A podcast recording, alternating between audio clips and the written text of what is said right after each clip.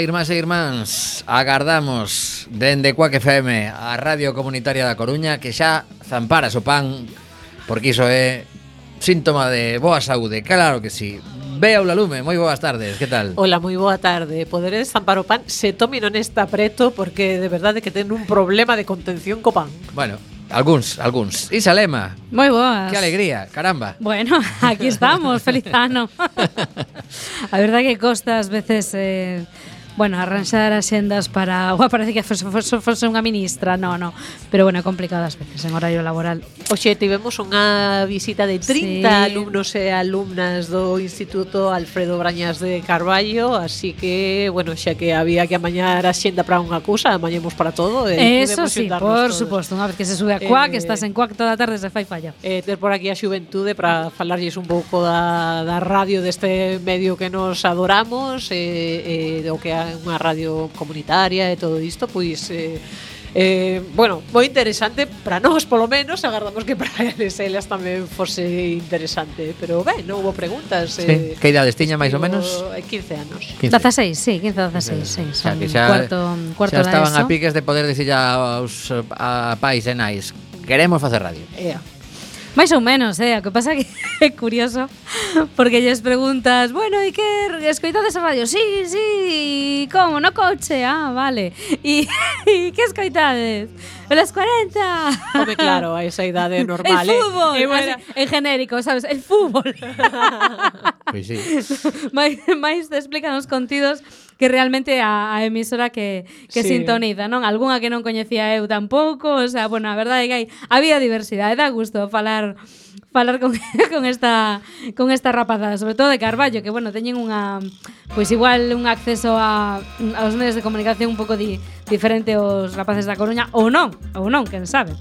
Sí, vese que eh, na, na Costa da Morte tamén chega pois ese mastodonte que os 40, que agora xa sabedes que fixeron unha recolocación de cara a captar, eu creo que un público máis xoven, o que coñecemos donde hai un montón de anos como M80 Radio, Ai, sí. pois xa desapareceu, agora é 40 Classic precisamente pre, para que mm, Ai, somos uns clásicos. Claro, claro, claro, nos... os, os, do, os que nacemos no 80 somos uns clásicos. Total. que desastre. Atención que acabamos de sufrir un, un cambio no banquillo de técnico, xa está Mr. Bugalú connosco cando teñas un segundo saúdas en medo. Si, sí, estamos Hola, a plantilla completa en de alegría. Buah, ole, ole, ole. de foto. A ver, que, que, cheguen, que cheguen aí os, os reporteiros e reporteiras para facernos fotos aquí, porque isto é casi histórico. Por certo, falando de datos históricos, hoxe coñecíamos os beneficios que acadou a banca en 2018 falas de a banca en xeral ou a banca galega en particular, a, a banca, o banco, a banca... O, o que antes viña sendo as caixas... Caixa Galicia. Da, exacto, as caixas de aforros que Caixa tiñamos... Vigo, eh? Caixa Santiago. Exacto, ca, caixas eh, fusionadas que vendeu o Estado por mil... Creo que foi exactamente 1098 millóns, non me quero equivocar, pero bueno... Un menos... bo negocio que dixo Feijón, un bo negocio. Um, ese bo negocio... Eh, so... Sí, sí, sobre todo para sobre todo para os señores Cotet, foi un bo negocio. A iso ia, a iso ia. Se temos en conta que só nun ano esa empresa que vendimos por 1090 millóns ou 1100, é igual, gañou 340, se votamos contas o que poden gañar en 20 anos, ao mellor o negocio non foi tan maravilloso para as arcas públicas. Compañeiras e compañeiros que fixelledes esas contas aí a hora de isto cando o vendemos, pero, poñe 1100, que pero malo. que ademais, ademais hai máis que engadir, porque bueno, que hai que, que quitarlle o rescate. Claro. claro. É certo que asumían unha débeda tamén, eh? Sí, bueno, menos da que o, sea, o que lles quedaba de, bueno, a mercaron xa saneadiña, quero dicir, eh. Claro, que falas ti. O, o rescate. Claro, o rescate. O, rescate. o banco foi rescatado primeiro e despois claro. foi eh, generosamente vendido. O, o rescate a... foi a pachas e logo fixemos un saldo. Claro. Eh, exactamente. Digamos e agora, que... pues están vas venezolanas. Chicos e chicas. Sí, digamos que si, si ese negocio fixéramos nós, evidentemente eh, non o teríamos plantexado do mesmo xeito, eh, chegaría o momento que dicimos, vale, vale. Bueno, ti... se si ese negocio facemos nós e resulta que o pasa a gestionar Feijó, non tiñamos tantos beneficios, eh? Porque non se o goberno galego non se está precisamente a destacar polas boas inversións e a boa xestión de nada. Vésase, por exemplo, Hospital de Vigo. Un, dos, tres, de restondo outra vez. Sí, podemos facer unha lista longa, pero eh, de feito agora a primeira nova que traio despois da canción que imos escoitar é tamén destas que mete medo é responsabilidade do Partido Popular. A canción? Non. Ai, a nova. A, a nova, a nova. Pobre Bibi King, que vai cantar agora. Dice que é culpa do a Partido ver, Popular. Eh, eh, a ver, o ten... blues, eh, o blues é o que ten. E ademais el ten un nome moito Partido Popular, Bibi. Eh, Bibi. Claro. Pois pues eso. Era que... todo, todo en bi. Aí, aí, aí, falaches. Bueno, pois pues, o que ia comentar era que nós, os catro que estamos aquí, se lle plantexáramos o negocio, imaginemos que a, a Caixa Galicia esa era nova, a, a Caixa fusionada. E chega a Escote que digo, vola vou comprar. E dice, bueno, que temos aquí un pufo acumulado e tal, temos que facer un, uns cálculos.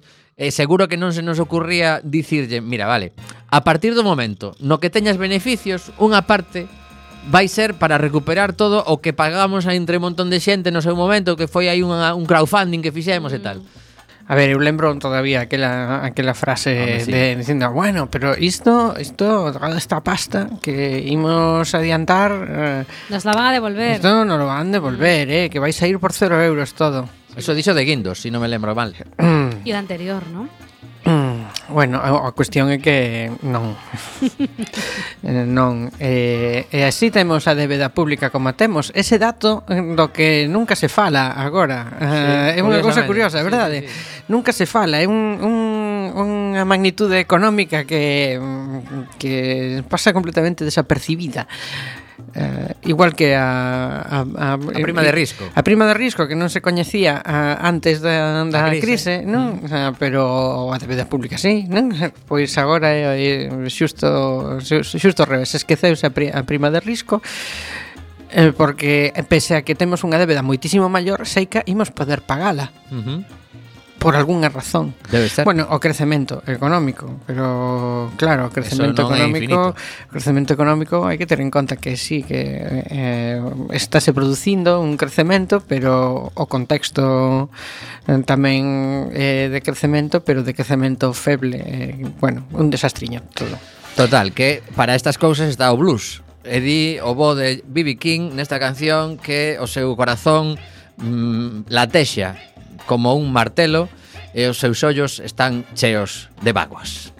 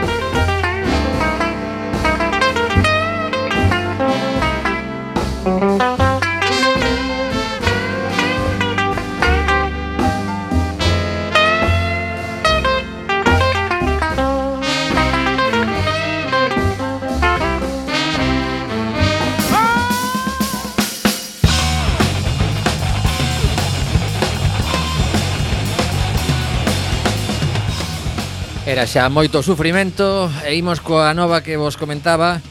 O goberno de José María Aznar ignorou un informe xurídico de Renfe que pedía cancelar a operación Chamartín por graves incumplimentos do, do banco BBVA e San José. E diredes vos, isto de que carallo estamos a falar? Bueno, pois é unha exclusiva del diario.es que nos comenta algo que por desgraza estamos aínda a pagar a día de hoxe moitísimos eh, incumplimentos do que debería ser a protección do erario público por parte de determinados políticos, neste caso eh, o máximo responsable era Álvarez Cascos, e eh, permitiu unha operación pese a que a Dirección Xeral de Infraestructuras de Renfe elaborou en xuño de 2001 xa estamos a falar de hai moitísimos anos un informe onde lle pedía ao Ministerio de Fomento romper o acordo e volver a sacar a concurso a Operación Chamartín para evitar, entre comillas,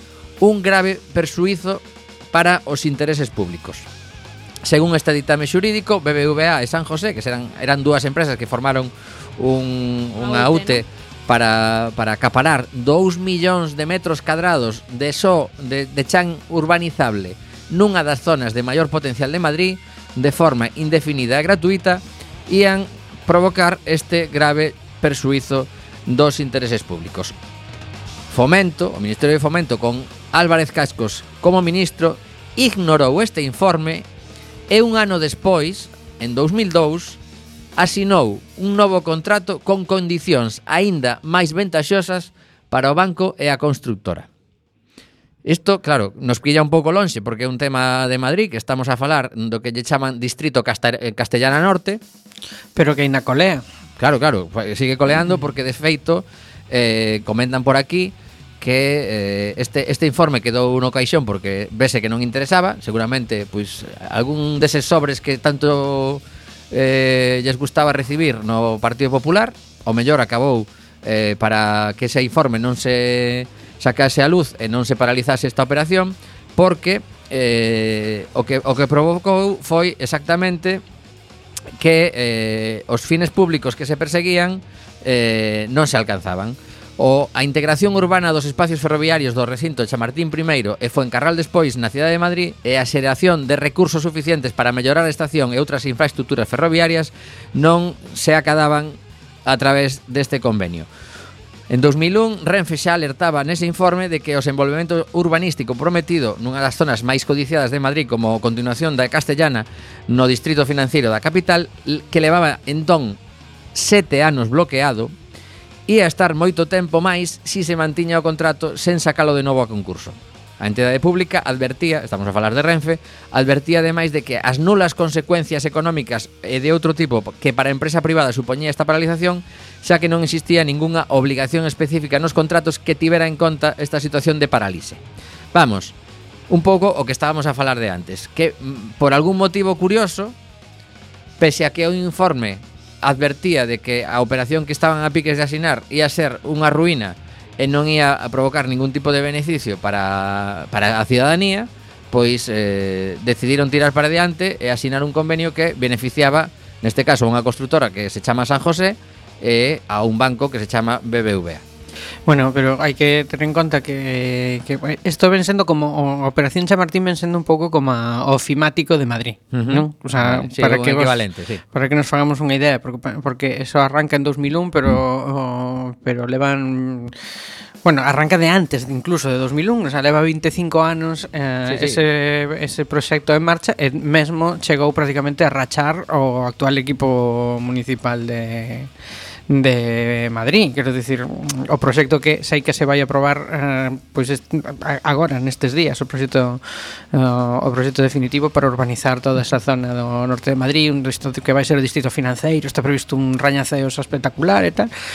Eh, houbo gravísimos problemas con ese con ese asunto, quero dicir, empezou no? mal e vai a rematar mal. Bueno, eh, eh, empezou mal, se desenvolveu mal, continúa mal, eh, dis que vai rematar mal, xa veremos se remata, porque porque, eh, claro... Vou facer un, un pequeno apuntamento aquí porque é importante polo que estaba dicindo Mariano de comparación co ofimático.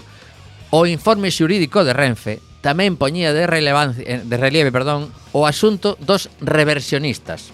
Isto é, os antigos propietarios do Chan aos que o Estado expropiara eses terreos para construir a estación de tren e as conexións ferroviarias.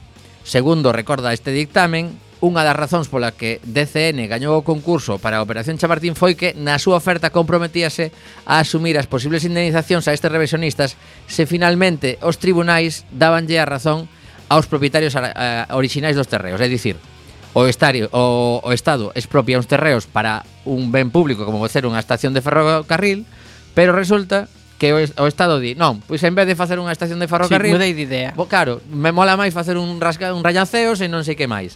Entón, esta xente que ao mellor cobrou 100 pesetas no seu momento, bueno, xa, xa era euros. Ou non. Non, porque se era en 2001 non sí. Eh, cobrou en pesetas a, a expropiación. Esta xente di, bueno, pois pues esta me tomaron o pelo. Pois sí. Exactamente. Un lío considerable. Exactamente. Pois así é como se xestionan os cartos. A ver, pero este é un lío do primeiro pelotazo, igual que o igual Era que o propio a, Femati. A, a burbulla non? O sea, o primeiro pelotazo. Non, o sea, foi o primeiro pelotazo, logo foi o segundo pelotazo que foi a super burbulla, non, que nos mandou a todos. Este este do primeiro no, do primeiro burbullazo, non, que era cando Álvarez Cascos dicía que os pisos non estaban caros porque total a xente os mercaba. Exacto. E cousa que era certa. Claro. Eh, cousa que, bueno, cousa que non... Unha parte sí que era certa, que a xente eh, os mercaba. Sí, sí, sí, eran... sí, de feito, mercaban a entrada, o eh, resto era poñía fe... o banco. O feito era que a xente os, os mercaba, pero os mercaba como? Eh, eh hai que ter en conta o nivel de endebedamento. A débeda privada eh, en España no ano 98, 99, era das máis baixas do, do Eurogrupo, se non a máis baixa, E despois de que o goberno de Aznar saíse do, bueno, cando, cando saiu o goberno de Aznar pois era das máis altas de, de Europa, co cal se sementaba a, a, a, o problema non tanto se sementaba a segunda, a segunda burbulla senón o problema que ia mm, deixar a descoberto a segunda burbulla que, que se, se te acumulas unha grandísima débeda privada e aínda por riba estimulas unha reburbulla digamos, non hai con que cando te caes, te caes con todo o equipo, non hai nada que soporte ese endebedamento. Eh, bueno, aí vamos sumando endebedamentos endebedamento público, endebedamento privado, eh No, e logo E logo, xa non endebedamento, senón tamén eh, despilfarro, non? non sei se lembrades, pero a finais de suyo do ano pasado, pois hubo unha nova que foi un informe do, do Colexio de Xeógrafos a nivel estatal, non de, do Estado. E este a Asociación de Xeógrafos, perdón. E este informe denunciaban un despilfarro de obra pública, estamos falando solo de obra pública en España, segundo eles de ao menos 81.000 millóns de euros nos últimos 20 anos. Concretamente, nestos 20 anos entre o 2000 e, bueno, incluso antes do 2000, cando entrou Aznar, máis ou menos no, no goberno ata, ata actualidade, non? Pero, eh, bueno, a verdade é que 81.000 millóns de euros en obras eh, fallidas, por exemplo, no AVE, non, non sei se lembrades, pero hai partes do AVE pois que non se fixeran eh, estudos eh, xeolóxicos previos sí. e o ave afundara. Sí, sí ¿no? había, pro había problemas, no, os problemas no Carmel, por exemplo, foron dos eh... dos máis notables, pero houve outros por, por o percorrido en Aragón tamén, houve problemas -huh. problemas xeolóxicos de primeira magnitud. No, e a, a, extensión, a extensión do ave en Andalucía tamén, non? O sea, bueno, a verdade é que o tema do o tema do AVE é interesante. Logo portos e aeroportos, non? Se destinaron no, máis de 9.000 millóns de euros a aeroportos, algúns deles están pechados, como como vos sabedes, non teñen pasaseiros, teñen un número absolutamente reducido a pasaseiros. Hai que dicir que España ten máis aeroportos que provincias. non está mal. Outro día eh, foi o primeiro voo a, a Murcia. É eh, prácticamente 20 aeroportos máis que Alemania, por exemplo. Sí. 5.000 millóns de autopistas de peaxe, nobre delas eh, en quiebra, eh, moitas delas en, en Madrid, que tamén por se exemplo, rescatou por parte do que Estado. tamén que tamén se, se rescataron. No, no, é que é tremendo, eh, o sea, tremendo. Cataluña e a Comunidade de Madrid concretamente ocupan os primeiros postos da, da lista, seguidas da Comunidade de Valencia, Aragón, Andalucía. E a maiores aínda hai outra volta. Impresionante. Hai outra volta máis que é impresionante. Eh, primeiro se, se xenera unha, unha industria enorme que ademais absorbe moitísimo emprego, como é o a construción. Como, como é a construción de punto, ata o punto que eh, a, a economía adícase prácticamente a un, a un non sería un monocultivo porque está o turismo tamén para, para compensar, non? Pero realmente a economía se move con eses dous eh, polos e cando chega o desastre, non? A, a, cando, se, cando se albisca o fin da burbulla inmobiliaria, pois o que fan as grandes empresas de, de obra pública, por exemplo, vendo que o Estado non vai ser capaz de manter o ritmo de contratación, primeiro, por un lado, evidentemente, fan algo que está ben, que internacionalizarse, non? E empezar a facer obra fora, eso é correcto, é interesante ademais, é, é, é positivo incluso para a economía, pero a outra cousa que fan é diversificar, tamén é correcto eh, dende o seu punto de vista, pero onde se van aos servizos públicos? Exactamente. Non son capaces de eh, eles que son empresa privada non son capaces de traballar para empresas privadas.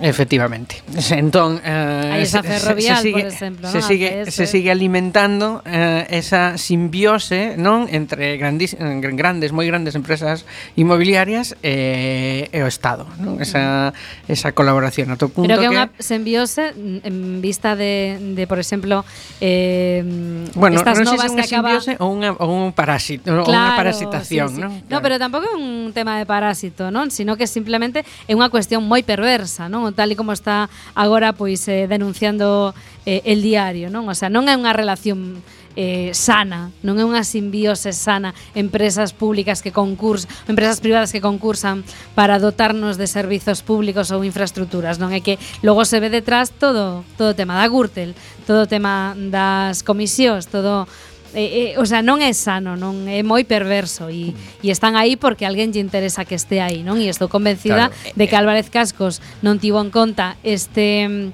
este informe técnico dos funcionarios de fomento porque non lle interesaba porque hai outros intereses económicos detrás. Pero ademais a maiores hai que dicir, Ai, que me ve unha claro, agora mesmo. Hai que dicir, hai que dicir que todo isto logo condiciona a, a Non é xusto, non é xusto para empresas que non pero, eh, dan pero que caixa B a certos partidos. Non só condiciona o mercado, senón que tamén condiciona a legislación.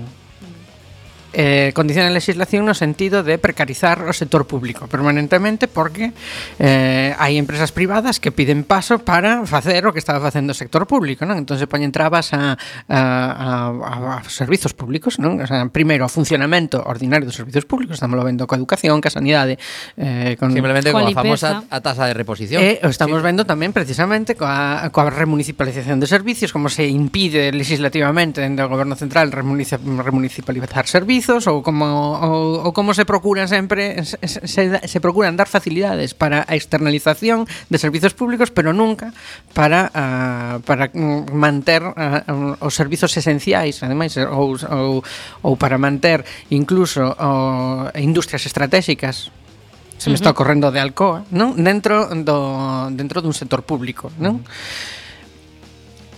Eh, non se lle conta a xente que é a enésima derivada do problema, non? Porque quen se anuncia nos medios e quen mantén os medios para que xe, que son os que lles deberían estar contando a xente eh, todo este funcionamento perverso. Cando escoitamos unha se esta sección está patrocinada polo BBVA.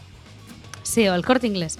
Pero o, o Banco Santander. de todos modos, eso de que non se lle conta a xente, eh, en parte sí e en parte non. Non, non se lle conta tanto como debería, nin, eh, nin Claro, escala, a, ¿no? a manipulación e a perversión do sistema igual non é suficientemente público, pero si sí eu lembro nas campañas electorais de José María Aznar, por exemplo, o de imos privatizar os servizos para que realmente funcionen. Eu si sí o lembro. E de feito, o Partido Popular, eh, nos guste ou non nos guste, sempre presumiu de de, de ter eh, privatizado, por exemplo, Telefónica, non? Ou, ou bueno, pois pues esas, algunhas empresas eléctricas, non Red Eléctrica Nacional, pero sí empresas eléctricas. É dicir, eles mesmos se puxeron o, o, o sombreiro de vos xestores e, e eles eh, venderon unha porcentaxe moi moi grande de Adif, non? Agora hai problemas co AVE, non? E hai problemas co, eh, co, coas infraestructuras ferroviarias. Pero quen privatizou isto? E se poñían o, o, o galón de ter privatizado iso e por iso se xestiona fenomenalmente ben, non? Interes non? Sí, interesante. Para, para os seus intereses seguramente moi ben eh, xestionado. Non, é moi interesante autocalificarse de vos xestores deixando de xestionar.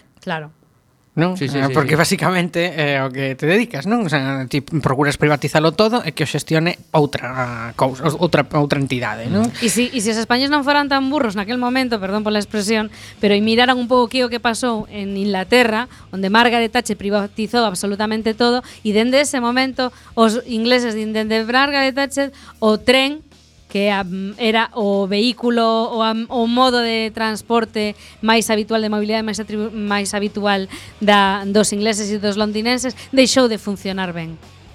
E a mí me parece que funciona estupendamente, pero esa é outra cousa, pues non? Mira, pero eh, como funcionaba antes, non? Cando eles mesmos a sanidade privatizaron a sanidade e agora están cunha renacionalización da sanidade, non? Privatizaron a xestión dos cárceres e agora están cunha renacionalización da xestión dos cárceres, non? Porque estamos falando de, de dereitos humanos e as empresas privadas pois velan polos seus intereses privados eh, o, o cal é medianamente lóxico, pero igual non debemos deixar a xestión dos, dos dereitos humanos nas empresas, a non? moito menos que, en ACS. Ah, e, e aínda cando non son aínda cando non se trata de dereitos humanos, o que acontece é que eh, economicamente, dadas as condicións nas que se privatizan ou nas que se fan concesións de servizos ou nas que se externalizan servizos, resulta que son eh, non son económicamente eh, rendibles. Ah, no, claro, dende no, o punto no. de vista eh, do, do propio do propio estado, quero dicir que eh, nos saen ás veces nos saen máis caro ter externalizado un servizo que estálo prestan, prestando con persoal funcionario.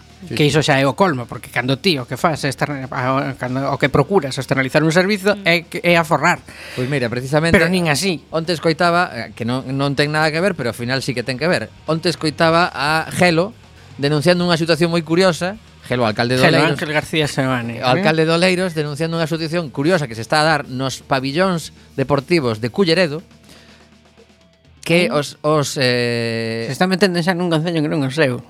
Sí. Eh, como se nada que estamos en campaña. Efectivamente, xa. pero o que, o que dicía é que cada, cada mes está asinando o Concello de Culleredo as facturas que lle envía unha empresa polo eh, custe dos bedéis dos diversos eh, centros deportivos do Concello e que oscilan cada custe de Bedel entre 2.800 e 3.600 euros que lle está pagando unha empresa privada. E, e Gelo se preguntaba, canto cobra realmente o Bedel de iso que está cobrando a empresa? Que era un pouco que estabas pois dicindo. menos, claro. Evidentemente. Entón, si no, sería... aquí o caso sería sacar non... as prazas de Bedel dos centros mm, deportivos de Culleredo, neste caso. No caso de que poda sacalas, porque claro, como claro. non Aí o está, mellor o Concello non ten a posibilidade de sacar prazas porque hai unha lei a nivel estatal que lle impide. Claro. É que ademais non importa, non importa gran cousa que eh, estea que sea un concello en problemas, que os hai en problemas, que é lógico que que, Ou que estean, se solvente, estean claro. sendo vixiados, pero que hai outros que son perfectamente solventes que tampouco poden. Entón é como mm, curiosamente todo o, o todo os todos os recursos que levan aforrado nos últimos xa bastantes anos a, as entidades entidades locais, tanto deputacións provinciais como a, como a concellos, logo o goberno do Estado eh, uh, aproveitaos para maquillar os seus datos de déficit que foron ao longo de toda a legislatura mm, de toda a legislatura pasada e da actual eh, eh, hai, que, hai que tener en conta que non chegaron a cumprirse nunca os famosos objetivos de déficit. Mm-hmm. Mm. E se non chega a ser porque as entidades locais e algunhas comunidades autónomas tamén se apretaron o, o cinturón e de que xeito, pois sería peor, non? Entón, aí había un pouco de truco, non? Por un lado, uh, o señor Montoro era inflexible, pero por outro era bastante flexible, uh -huh. non? O sea, por a parte que lle tocaba a él era flexible, pero unha, unha lei do embudo de manual, non? O sea, a parte mm-hmm. ancha para min, a parte estreita para, para o resto mesmo mm, estou a falar de que mesmo uh, uh, mesmo alcaldes do Partido Popular se teñen queixado disto, e con razón, evidentemente, non? Quero dicir, non é unha cuestión partidaria, é unha cuestión de, de organización de como está funcionando o Estado. Pois non? sí, nos están facendo unha trampa. Hombre, bueno, esta... me lembro, eu me lembro cando eh, estaban en campaña e o Partido Popular non quería que Montoro fora a dar mitin a ningún lid, a ningún lado, ningún ningún alcalde, ningún presidente de comunidade autónoma do Partido Popular quería que fora Montoro porque se lle botaba xente en riba, incluídos os alcaldes, porque a verdade é que lle se estaba facendo a, a puñeta, non? Eu non sei que marxe de maniobra tiña Montoro porque el tiña as súas propias negociacións a nivel europeo. Todos vemos que pasou con Italia, que pasou con con Grecia sobre todo, non? Pero uh -huh. pero aínda así sí que lle botaba bastante morro. Pero bueno. que tiña que pagar as facturas de deguindos, non? Entón, Por eh, exemplo, claro. sí. Pois sí, pois sí. Bueno, vou aproveitar para mm, cambiarnos de vehículo de transporte e falar un poquinho do tema do taxi e os VTC que estamos escoitando estes días continuamente. Eh, seguramente se si a folga fose en Cuenca non non teríamos tanta información, pero o caso é que en Madrid Non habería folga. Eh, en Madrid e Barcelona e temos un lío considerable que nos chega de rebote. Entón, mm, investigando un pouquiño tamén eh, el diario.es fai unha reportaxe moi interesante e creo que é bo que teñamos na cabeza estes datos. O 83% dos taxis 83, perdón, o 83% das licencias de taxis están en poder dunha soa persoa. E hai un 17% que teñen máis dunha licencia. En ¿vale? Madrid. Non, en toda España, ah. vale? Cantas licencias de VTC, que significa vehículo de transporte con conductor, hai en España? 13.125, vale? das cales Vou ao principio deste parágrafo moi interesante do, da reportaxe del diario.es.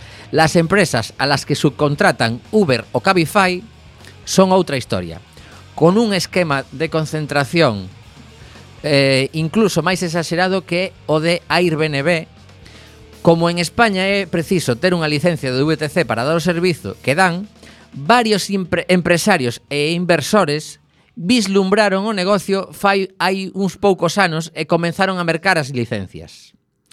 Así, hoxe en día, nomes como o expresidente da Asociación Gremial do Taxi, José Antonio Parrondo, e emprendedores tecnolóxicos como Félix Rodríguez, 20, é unha das súas empresas, Zarín Denzel, outro de 20, Bernardo Hernández, inversor en 20 e idealista, Rosauro Varo, o de Pepefón, e o propio Juan de, Juan de Antonio, que foi o fundador de Cabify, acumulan máis de 10.000 licencias das 13.125 existentes. O sea, uns tipos aguilillas que dixeron, caramba, este sector está petando por aí por Europa, imos mercar licencias. O que non sei é como se mercaban estas licencias. O que si nos contan aquí tamén é canto cobra e traballa un conductor de Uber ou Cabify. Este xornal contactou con dous conductores, un de Uber e outro de Cabify. O primeiro traballa para Move Cars, a flota que montou o Jaime Castellanos, o expresidente do Grupo Recoletos e que, participa, e que está participada polo fondo buitre King Street, e o segundo traballou para unha empresa máis pequena, a madrileña eh, Press Ser Bealco, antaño participada por mm, Vector da flota do fundador de Cabify. O soldo de ambos apenas supera os 1.000 euros ao mes, 1.150 en Uber e 1.100 en Cabify. Os dous asinaron contratos de 40 horas semanais, pero a realidade é que traballan unha media de 60 a semana, porque o truco é que as empresas estalle a exixir un mínimo de facturación de 4.000 euros ao mes. Di un dos traballadores, que, que é un, un de Cabify. Ti asinas 40 horas, pero logo eles te exixen estar entre 10 e 12 horas conectado ao teléfono para facer servicios para chegar a esa facturación de 4.000 eh, euros. Te venden que si chegas aos 3.500, ademais do soldo, xa empezas a levarte unha porcentaxe dese dineiro que pasa do, do mínimo. Pero mm, realmente, eles, eh, digamos que cando negocian, este o que está a comentar este home aquí, cando negocian din, do que, do que pase desa facturación de 3.500 euros, levas ti o 50%. Pero, segundo indica este home, iso é mentira e mm, en vez de 750 que lle correspondería si fai 5.000 euros, lle están a pagar 200 ou 300 euros. Tampouco sei moi ben en que se basea eh, esta cantidade, porque parece aleatoria, en plan, toma, unha limosna. E di aquí, a experiencia de, de Juan, nome ficticio, é peor que é o de Uber. O bonus igual é de 30 euros pero hai eh, botas moitísimas horas para gañar eses 30 euros extras, ademais dos 1000 eh, 150 que che paga Uber. Bueno, estes son datos para que teñamos na cabeza cando estamos a, a falar deste sector eh, emerxente con 13.125 licencias, pois o que está a suceder, porque evidentemente se si son 13.100 e pico licencias e os coches están circulando pois o mellor 20 horas o día, non digo que as 24. E hai quen ten o papo de chamarlle a iso economía colaborativa. Sí, súper colaborativa. Todos colaboran para que uns para se que... lo lleven crudo. Vamos. Claro, claro, claro. Claro. A mí eu ríome, pero ríome por non chorar, non? Porque pois sí. sí é certo, eu eh, casualmente eh, o luns pasado cando empezou toda esta movida, eu estaba en Barcelona, non? En Barcelona eh, eh, cortaran, os taxistas estaban en folga eh, e cortaran de celo e cortaran a Gran Vía de Barcelona, que é como se si cortas aquí Alfonso Molina e a Ronda Outeiro así de golpe, non? Uh -huh. E, e falando así co, con xente de Barcelona me decían, bueno, a verdade é que sí que se lles está complicando un pouco o tema aos taxistas taxistas, pero por outro lado, ollo que ata aí cinco ou dez anos ser taxista en Barcelona era ser como xogador do Barça, vamos, non había quen lle tosía porque tiñan un absoluto monopolio do tema e tiñan pois eh, digamos que un estatus social hasta moi elevado, non? Uh -huh. E realmente eh, tampouco funciona a cousa moi democráticamente, non? Porque eh, digamos que eh, non chega, creo que non chega ao extremo de monopolio que hai aquí en Cabify e Uber, pero tamén é certo que moitos dos taxistas non son propietarios eles da súa licencia de taxi. Pois pues mira, si sino que te, veñen, a experiencia de Laura, mira. Sino que veñen especulando, eh, as licencias son licencias eh, municipais, non? As, as concede o, os concellos, uh -huh. pero eh, digamos que se atribúen para un taxista, se lle adjudica e demais, se, se merca esa licencia, pero logo eles pois pues, especulan con ela, a venden, a subcontratan, sí, sí. etcétera, etcétera. Entón, ao final, eh, eh, isto como as pelis de, de, dos taxistas de Nova York, non? Hai, hai unha especie como de mafia por detrás Mira, vou non exactamente como é o caso claro. do taxi, vale? Así tamén eh, informamos da outra parte. Laura ten 63 anos, dos cales leva case 20 no taxi. Foi costureira nunha fábrica de pantalóns vaqueiros e outra de ropa militar. E diela. Isto en Barcelona fijo, non? Diela, aquilo se desmantelaba eh, levábase a outros países e tes que, que adaptarte. En 2001 empezou a traballar como conductora asalariada para un taxista con licencia que lle pagaba a metade da recaudación. As miñas condicións eran aceptables. Aquel xefe sempre me dixo, se tes que ir ao médico a comer, vai tranquila. E non me dicía, debes de, debes de darme tanto cartos ao día, non era un tema de facturación. Eso dá confianza, porque non era unha ciencia exacta. Hai días que facturas moito e outros pouco. Tamén é certo que esta é un caso puntual, non, non, non extrapolable a outros taxistas que o mellor exixen pois, unha cantidade de, de recadación. Tras dous anos conducindo para outro, Laura decidiu mercar unha licencia. Hipotecou a súa casa. Solicitou un crédito bancario e invirtiu 84.000 euros 117.000 se lle sumamos os intereses en mercar esa licencia e como fixo o seu xefe no seu momento, terminou contratando a un segundo condutor para optimizar as horas de taxi.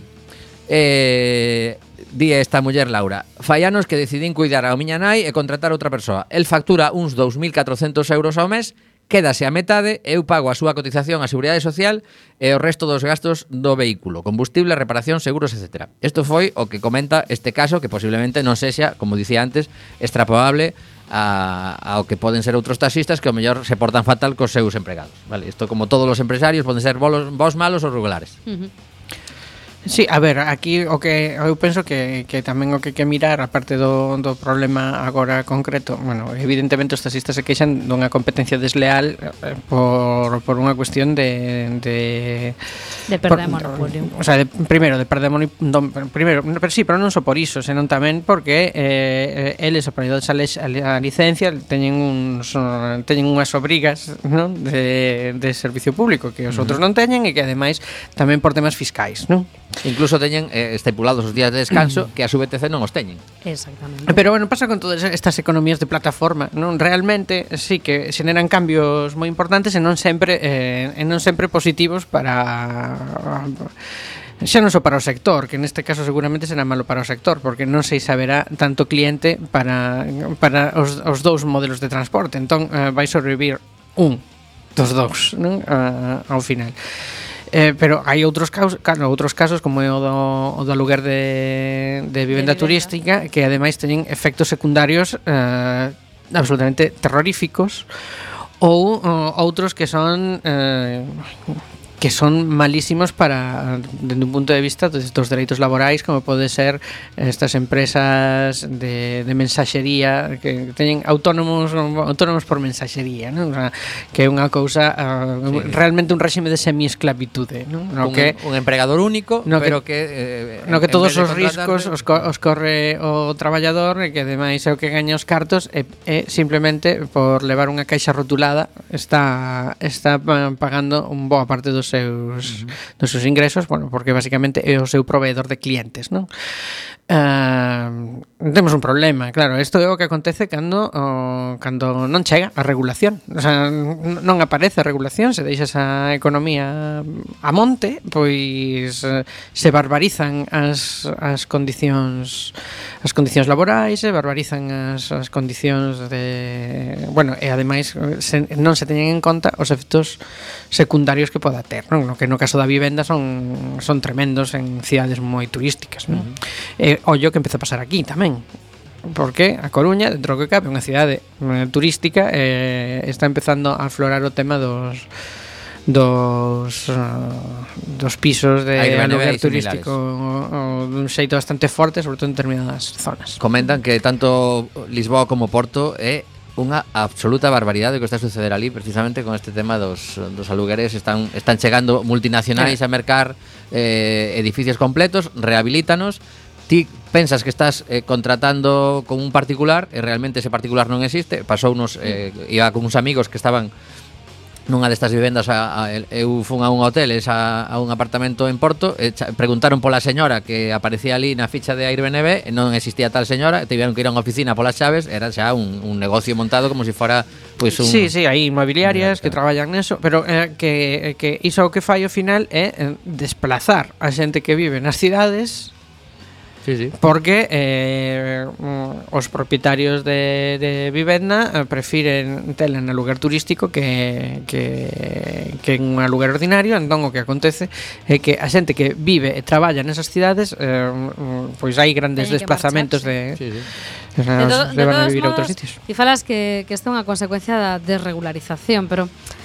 non estou Non, non, non, isto non está desregulado, é que non chegou a regulación, Non, claro, non é que non se desregulara, non chegou a regulación, non chegou. pero realmente isto é un é unha é un é unha cuestión tan nova, ¿no? E e e ademais o uso de internet permite cousas maravillosas, non? E isto se permite grazas a internet e a e a unha serie de, de plataformas baseadas eh, nun primeiro lugar na, na confianza, non? Como decía eh, Tommy, esa señora que aparecía na foto, logo resulta que non hai señora, nin foto, nin nada, non? Pero, pero realmente é moi difícil adiantarse. Eh, o regulador ten moitas dificultades para adiantarse a, a isto novo que está pasando, non? E ademais eu creo que, que o mellor, bueno, pois eh, esta pelexa entre os taxis, que si Uber, que si taxi clásico e demais, pois igual se pode gañar agora, non? Pero pero é como eu creo que é como poñerlle eh, bueno, pois barreiras a algo que non vai a ter, non? Porque si eh, este tipo de plataformas online Si non é con este modelo van a cambiar e vai a ser con outro e van a cambiar e vai a ser con outro, non? Pero pero é moi difícil, é moi difícil do meu punto de vista frenar iso, non? Entón a única maneira creo que é efectivamente regulalo e, e sobre todo garantizar eh, unha serie de condicións eh, similares, non? En termos laborais, en termos de accesibilidade, en termos de responsabilidades, en termos fiscais, por suposto, non? Pero Pero claro, é, é moi difícil, é moi difícil porque é algo que está continuamente cambiando, non? E sí, pero tamén internet non é estático. O mellor polo polo sistema de de resolución municipal, eh, non sei se é posible, non, pero determinadas cousas na túa cidade podes incidir, pois que non que non suceda que Claro, pero, a, min, a min o que me parece lamentable, me parece lamentable absolutamente é que non se consiga unha regulación a nivel estatal e se lle pase a pelota ás comunidades autónomas e as comunidades autónomas lle pasen a pelota aos municipios, claro. porque logo vas a ter un problema de por que os eh, de Cataluña teñen máis ventaxas que a min ou viceversa. Claro, a parte vas eso tiene un problema legal, porque estas empresas van a ir directamente a Audiencia Nacional o al Tribunal Superior de Justicia de Madrid o de Cataluña, dependiendo de cómo se resuelva eh, de mayor o menor medida una solución o otra solución. Sí, hay una cuando, final, ahí de cuando final fiscalmente Hacienda somos todos e fiscalmente isto ten que ser a nivel estatal. A nivel de derechos labor de dereitos laborais hai un dereito laboral que é uniforme para todos e o Estatuto dos Traballadores é uniforme para todos igual que o Estatuto do Autónomo. Entón realmente eh, pasarlle a pelota ao Concello de Madrid, o Concello de de Barcelona me parece, bueno, no caso de dos taxis, me parece unha deixación de responsabilidades bastante grave por parte deste caso do, do ministro Fomento. Hai, hai que dicir unha cousa extra, que se si pensamos só na situación que se podría dar en Coruña, si ti chamas un taxi do outro lado da Ponte do Pasaxe, e Oleiros fai unha regulación municipal diferente á da Coruña, xa tiñamos un lío considerable. Xa os houbo. Xa os hai. Co, co aeroporto. Bueno, pero agora estou, estou falando de, de que no, pero os, UV, os VTCs teñan un sistema de, que podas chamalos con media hora de antelación en Oleiros e aquí non, por exemplo, unha ah, cousa así. Sí, sí, sí, no, é que Bueno, pero a Iconova tamén é importante escoitala, non? Pois imos a por ela.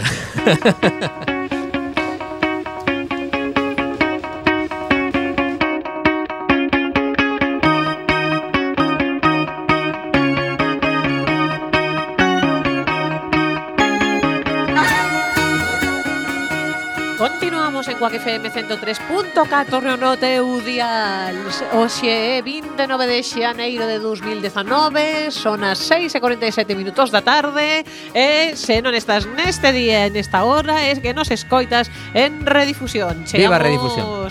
O apartado da Econova e o primeirísimo que quero lembrar é que lembraredes que hai eh, como cousa dun mes, mes e pico que entrevistamos aquí a Iago Prada polo documental sobre Todos. a, as, as touradas uh -huh. eh, o documental Bullfight e queremos lembrarvos que a presentación vai ser este Benres eh, ás 6 da tarde eh, na Fundación, xa sabedes, aí nos, nos cantóns. Eh, eu, dende logo, non penso perdermo. Eh, entrada libre ata completar aforo, así que xa sabedes, non... Que non se vos pase. Tiña que ser as 5 como os toros. Xa, sí, xa, xa avisou, xa avisou Iago que en algúns países europeos a xente saía mareada, choraba, vomitaba, cuidado, que para, para, vaya para, marketing que lle estás facendo, Para a xente sensible, a ver, ta, vas a ver unha turada, basicamente, xa vos lo claro, digo. Claro, de Pac mandan valladas. Eu vin, eu vin o documental. Uh. Continúa, continúa. Eh, ben, non, sobre isto xa está, se queres facer máis comentarios ou... No, no, no, que no, no, se queres desanimar a alguén máis que paga pena. Sabedes, que hai, pasa, hai un alta porcentaxe de Lago xente te queremos. Que, hai, hai un alta porcentaxe de xente que, que sae sana. Sabedes que pasa que Como aforo é limitado, nos por un lado informamos, pero polo outro lado queremos poder sentar, así claro, que, claro, claro. queda cousa así. Isto vai ser como os toros, non no, no. todos aí dan no, hombre, isto, isto é o típico que esta, esta película pode ferir a súa sensibilidade, ven sendo por aí a cousa. Hechos dramáticos. Morren animais, xa vos lo digo. Imos lembrar estas cousas que hai que lembrar así cíclicamente. Como aforrar enerxía na túa casa. Eh, direivos que a semana pasada, eh, bueno, na miña casa cambiaron a, a calefacción central, eh, eh, as calefaccións de, de algúns pisos tamén. Eh, bueno, agora cada un vai pagar o seu. Uh -huh. eh, cando veu o, o chorbo que nos tiña que meter os chismes que contan as calorías da calefacción para tal Eh, eh, Hola, son o chorbo. que hai que para poder pagar Son de Google. Fit, conto calorías. Pois, pois igual quito unha dai e o Claro, poño claro, aquí no, na cadeira a ver se baixo ou non baixo.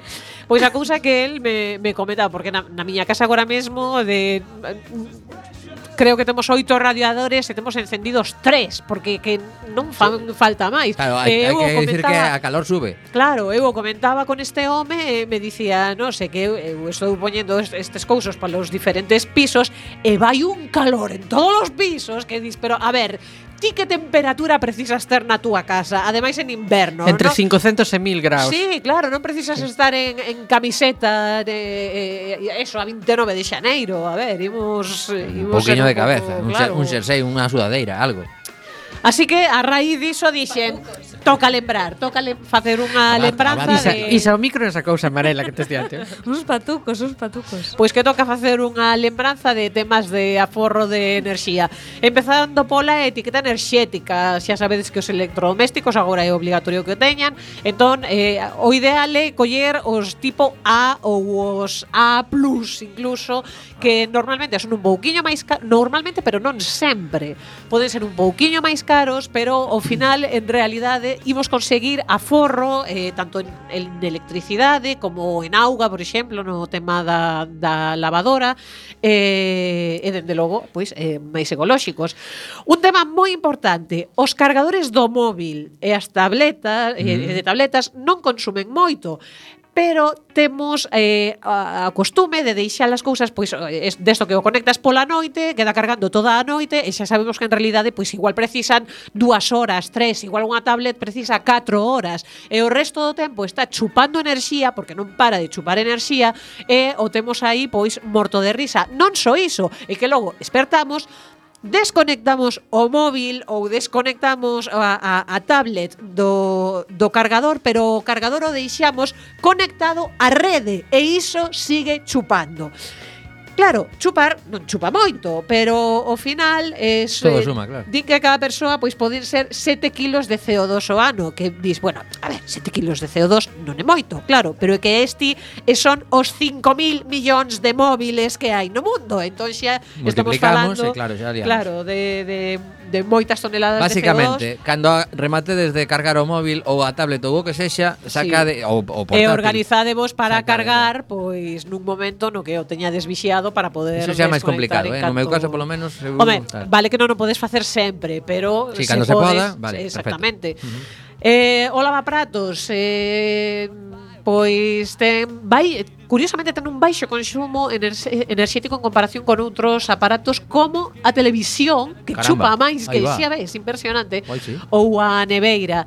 Eh, pero sí que é importante optimizar o uso cargando a tope, eh, colocando a posición estipulada para cada cousa.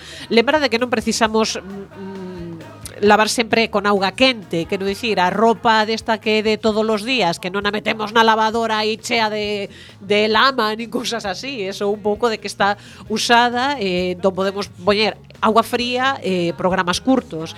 Eh, eh, por outra banda, aínda que foron perdendo presencia en favor de outros dispositivos máis cómodos, tamén os equipos de son teñen un importante pico de consumo enerxético que se dispara sobre todo cando se utiliza a función de radio. Isto non o dixen, isto non o dixen. é importante escoitar a radio. Home, que, que o beneficio Pero, é moito máis grande que o outro. Exactamente, claro. porque ademais como aprendedes cousas como esta, claro, pois claro, pois claro. Xa, compensa, logo, compensa. Exactamente. O ordenador habitualmente pensamos que non está está consumindo polo simple feito de que non o esteamos utilizando activamente. Eh, pero lembrade que podemos eh, quitar os salvapantallas, eh, apagar o monitor nun momento que non estemos debaixo, baixar a iluminación do monitor, eh, encender periféricos como altavoces ou impresoras únicamente cando os vayamos a utilizar e apagar o ordenador por completo cando non estea eh, en uso ou polo menos polo menos activar o standby, pero non te lo hai encendido eternamente porque non eh, é un uh -huh. pouco pa qué. As consolas, isto non o sabía eu, cando están enchufadas á rede e apagadas consumen únicamente un vatio por hora. Pero se se deixan en modo reposo, en modo stand-by ou, ou lista para utilizar pero sin utilizar, consume eh, ata 23 vatios por hora. Que Caramba. pasamos dun vatio a 23 sí, sí, vatios. Sí. O sea que hai que apagar. Así que, eh, mesma historia, se non estades utilizando a consola, apagadea. Xa encenderemos outra vez cando eh, queremos utilizala.